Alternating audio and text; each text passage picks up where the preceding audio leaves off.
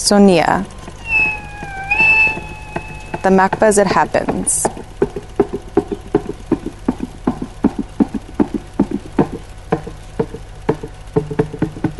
We can't promise to do more than experiment. Experimental film and beyond in Yugoslavia in the 60s and 70s is the title of a film program that brings together some of the most outstanding films produced in the former Socialist Federal Republic of Yugoslavia over this period. The films all helped to bring about a shift in the dominant film language and explored new thematic, aesthetic, and production paradigms. This project accompanies the exhibition Museum of Parallel Narratives in the framework of La Internationale. Sonia talks to Ana Janevski, curator of the program.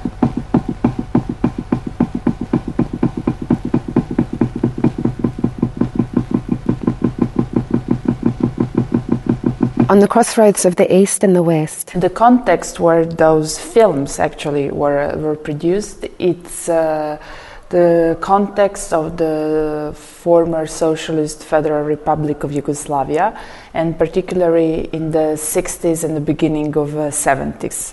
Actually, what uh, Yugoslavia has a very specific uh, position regarding the other Eastern European countries, and actually, it was somehow on the crossroads of the east and on the west, also because it was not part of the Warsaw Pact. So uh, it was culturally, it was very open. There were many manifestations coming from the Western Europe at the time, many exhibitions, many films, and also having a very special, let's say, internal organization uh, from like the, the economy was organized on the self-management system, the exterior politics on the non-alignment movement, on the kind of a third way invented by, by Tito, by the president of Yugoslavia. So in this specific context, very importance was given to also to culture, and particularly the self-management system was also promoting kind of a self-organization at the cultural level. Amateur culture and film clubs. There was also one organization uh, founded in 46 called Popular Engineering Society, which was actually founding all kind of amateur activities related to culture, so cinema, theater, film, photography, and so on. And so that's how the first cine clubs were founded in the 50s, because there was this socialist idea to give the possibility to everybody to make films. And those uh, cine clubs, they had kind of a hierarchy structure, a bit control, but at the end they were considered marginal. They were considered somehow on the margins, you know, for amateur actually there was a certain freedom, and those cine clubs were gathering very young people who were very much interested into cinema, but also into literature, into art, and uh, music. And so uh, they were mainly students, so very well educated, and somehow they started to discuss the cinema, to discuss other disciplines, and so actually the cinema clubs were spaces for producing kind of avant-garde experimental films. Professional versus amateur. So there was this separation at the time of the professional and of the amateur. The professional cinema, because after the Second World War, the cinema industry was nationalized, so the main, let's say, film industry was dealing with the revolution, Second World world, partisans, and so on. Tito, like the president of Yugoslavia, was a very big fan of cinema, of the Western, of John Wayne. So, on one hand, there was this kind of a Hollywood, really a kind of a Hollywood production, you know, high budget, lot of involvement. And the other, there were the amateur, and then those amateur who became professional but became very controversial. So, at one moment, they had to stop making film. And this is the most uh, evident example. It's Dusan Makavejev, who started started in the cine clubs, and already his film in the cine clubs in the beginning of 60s was censorship because it was, and it had a, a prize at the Cannes Festival. It was called "Don't Believe Monuments," and it's a very eroticized scene, actually, of women with a public monument. So Makavejev, when he uh, finished the mystery of organism, he actually he had to leave the country. He moved to Paris. So there are many examples like this that actually, at one moment, when those let's, let's say starting from amateurs, those filmmakers became professional, and then some of them had to stop making films, has to leave the country, or had to make a pause.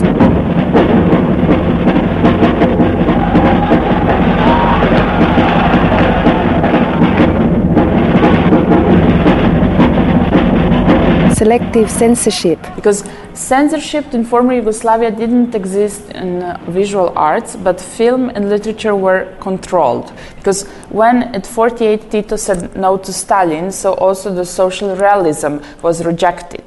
So it was somehow much more open. So this also Western, the modernism somehow was an official art, abstract painting, abstract sculptures, and so on. But still, it was controlled in a way. So it, there was this kind of ambiguous also situation and the position of the film particularly because conceptual artists, the whole movement of the 70s particularly, which is known under the name New Artistic Practices, have been considered marginalized in a way. So, although there were museums and there were again cultural art institutions who were supporting also the most, let's say, innovative and the most uh, avant garde uh, artistic expressions of the time, organizing exhibitions and so on. But art was, visual art was always considered really somehow marginalized in the sense that they really, they don't have an impact on the wider public. So, in a way, it they were left alone, they were left free. You know, this is also a very good way to somehow pretending also of, of, a certain democracy and freedom, leaving certain f- spheres and certain aspects to somehow do what, what they want in a way.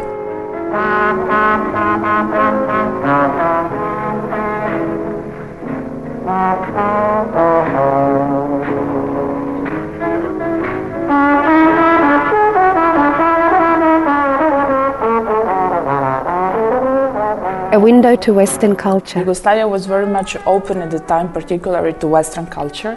So there were many exhibitions traveling, like uh, abstract art, pop art, like those American exhibitions that were traveling around the world in the 50s and 60s. They were also in Yugoslavia and particularly there were a lot of films so it was possible to go to the cinema and to see american films to see films of nouvelle vague of uh, nouveau realism of italian nouvelle realism and also the cinematheque for example in Belgrade and Zagreb, they were showing films from the 20s, from the avant-gardes of Eisenstein, Dziga Vertov, of Maya Deren, and so on. In Zagreb, for example, from 63 to 70, there was um, a film festival called GEFF, uh, Genre Experimental Film Festival. And during this festival, they were really screening a lot of those films from Godard, Bresson, Visconti, Rossellini, and, and this avant garde, like the Russian and the, and the French avant garde. J'aime beaucoup la France.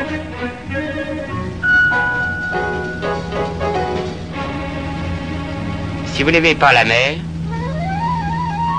si vous n'aimez pas la montagne, si vous n'aimez pas la ville, allez vous faire foutre. Oh oh film culture. A lot of those uh, filmmakers, particularly Tomislav Gotovac, for example, they really had this uh, spectatorship experience somehow. So they were going a lot to the cinema, they loved cinema, they were reading about cinema. Many things were translated at the time. There were different cinema magazines. So actually, there was a big knowledge about the cinema. It was a big knowledge what was going on around.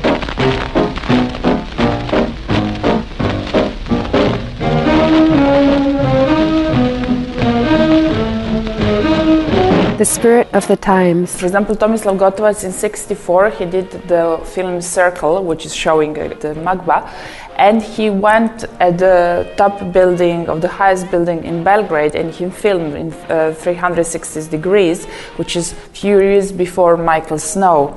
And so when Adams Sitney came and he had a lecture, it was somehow then some of those filmmakers realized that they are doing structuralist film. So it was somehow this atmosphere of the time that we were not really also aware what they were doing, and then someone else was doing the same things someone else. But it was really like collecting all this knowledge all about, as I said, literature and art and music and also film that produced those avant-garde films that then are were similar to some other experimental films in the rest of, of Europe and also in the in the States. For example, it's interesting to mention that Nicholas Hage and Anne Halprin were in Zagreb in the beginning, in the 60s. So all these elements somehow influenced the way also perceiving film, of editing, of no, of like going into this more no narrative, no fictional way, really changing what was kind of a conventional film language uh, of the time and also the, the conventional uh, artistic language uh, of the time. Anti film. In Zagreb in 63, so during this gathering of these young students around the cine clubs, two of them actually made manifesto called uh, Anti Film and Us anti-film me. And this anti-film this idea of calling this new film you know this this way of producing this a new film which were completely different for the conventional film of the time. This anti came somehow the inspiration was already there in visual arts because there was a whole movement of the anti painting of Julije Knifer, of the anti art of Mangelos, of the anti group and anti magazine of Gorgona. And it's interesting that all those works you can see at the exhibition of the Museum of Parallel Histories. So this idea of the anti came from the anti drama of Ionesco so they also somehow in the spirit of time because they were all connected they decided to call this new film anti-film and me. And so there was this kind of a manifesto four theses indicating that anti-film is a negation of a narrative negation of the spectator negation of the editing where it's like new film more open multidisciplinary and so on. Alternative films and the black wave. Around this idea of anti-film was gathering different cinema clubs of uh, former Yugoslavia, but some of them uh, never accepted this idea of the anti-film. Uh, for example, in Belgrade, they call it more alternative film. Also, because the Belgrade um, Cinema Club produced different kind of films. But what happened in Belgrade, it's they were more also influenced by, for example, black film, uh, Polish black film or French black film from the Russian school, French surrealism. And so they were from the beginning, the filmmakers in Belgrade, they were putting the emphasis on this kind of dark side of the society. So the film for them was more a tool to deconstruct this socialist optimism of the time, indicating more dark side, much more existential atmospheres. So not really working more with, with the medium, not negating the narrative and the fiction so much as those, for example, in, in Zagreb and Split. Bringing down myths. It's also important not to mythologize those films. I mean, it was important to and hold this study about these cinema clubs and this cultural policy at the time. It's important for many reasons. Once, because in the 90s there was this tendency of showing this from fragmented history of Yugoslavia, which actually it was a one common cultural space at the time, which was also regulated by one more or less singular cultural policy. Also, because then it shows that the Eastern Europe it's not a homogeneous block, so it's not, it's impossible to talk about Eastern Europe in a, such a general way. And uh, also, it somehow breaks this myth of a dissident artist in an Eastern and totalitarian regime. So, indicating that actually there were some ways of making some things that were supported by the state itself. Also, for the today perspective, it's really interesting because it gives also many answers to many questions uh, regarding the historical, the social, and the political context of the Yugoslavia at the time, which explains a lot also what happened in the 90s like this economical situation that seemed to be very different and very good, but actually it was very weak, so it just collapsed in the 80s. And this is like a very somehow important, I think, point of view, which is also somehow putting a sh- shadow on those kind of interpretation of a national or religious and I don't know, somehow century rooted hatred and the impossibility to live together. Why actually the reasons are also much more economical and political. A man's world. In one way, feminism itself, it was already introduced in the 70s. There was a Congress of Feminism in the Student Cultural Center of Belgrade And this is also interesting to mention that there was student cultural centers, alternative spaces, again financed by the state, and there are many like alternative things going on, particularly in visual arts. But when I did the research, both in the film and in the visual arts, it's really interesting that there were just one woman uh, filmmaker in the Split Cinema Club and one in the Zagreb, Belgrade later in the 80s, but 60s and 70s, no. So it, it shows it were quite a male ambience. Regarding the artist, at the end you are faced with Sanja Ivekovic and Marina Abramovic.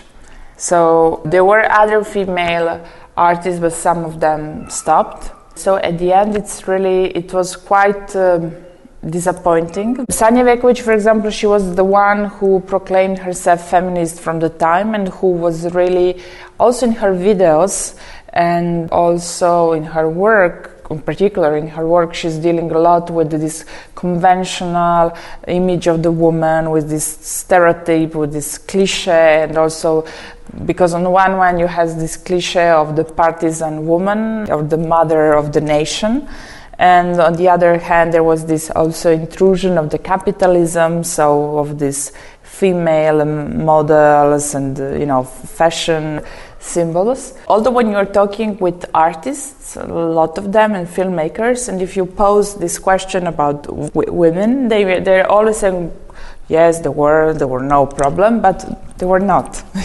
You know you don't have names you have just said the women artists in the cine clubs, and in the end, uh, Nuša Dragan and uh, and Sanja Ivekovic and Marina Abramovic. Former Yugoslavian filmmakers today. For example, Želimir Žilnik is still producing films where, who were very critical at that time and they are very critical of this time now. So this is this, this very special way of fiction documentary. He's still working. Dusan Makavejev, he hasn't realized the film since a while. Karpo Godina, for example, who had to stop making films in the 70s, he became a cameraman. Those, um, uh, Mladen Stilinovic stopped making film in 76, 77, and he more, was more oriented into visual arts. Tomislav Gotovac, he, he was still making films, also doing performances. He unfortunately passed away last year, but he was always on this border of film and visual arts. And some of the visual artists did few films and then they never did it again. Also because at the time it was very difficult to have the equipment, and then the video started in the 70s. So this is also one of the reasons why visual artists were much more dealing with video than with film. The post-war generations. There are a few very good festivals in Zagreb and Belgrade and also in Ljubljana. Uh, regarding experimental films with some younger filmmakers who are still making experimental films. A lot of films are, are shown. So this is uh, something that is still alive. It's sure different than it used to be. There was a generation of filmmakers in the 70s and 80s who start who continued this, uh, I would say, black wave tradition.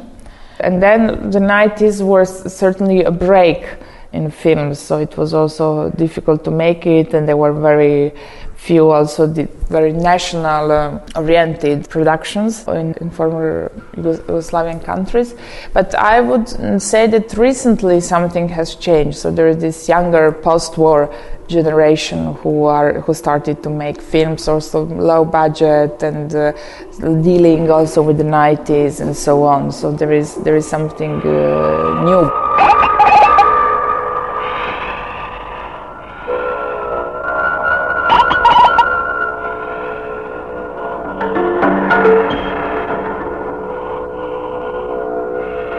macba.cat.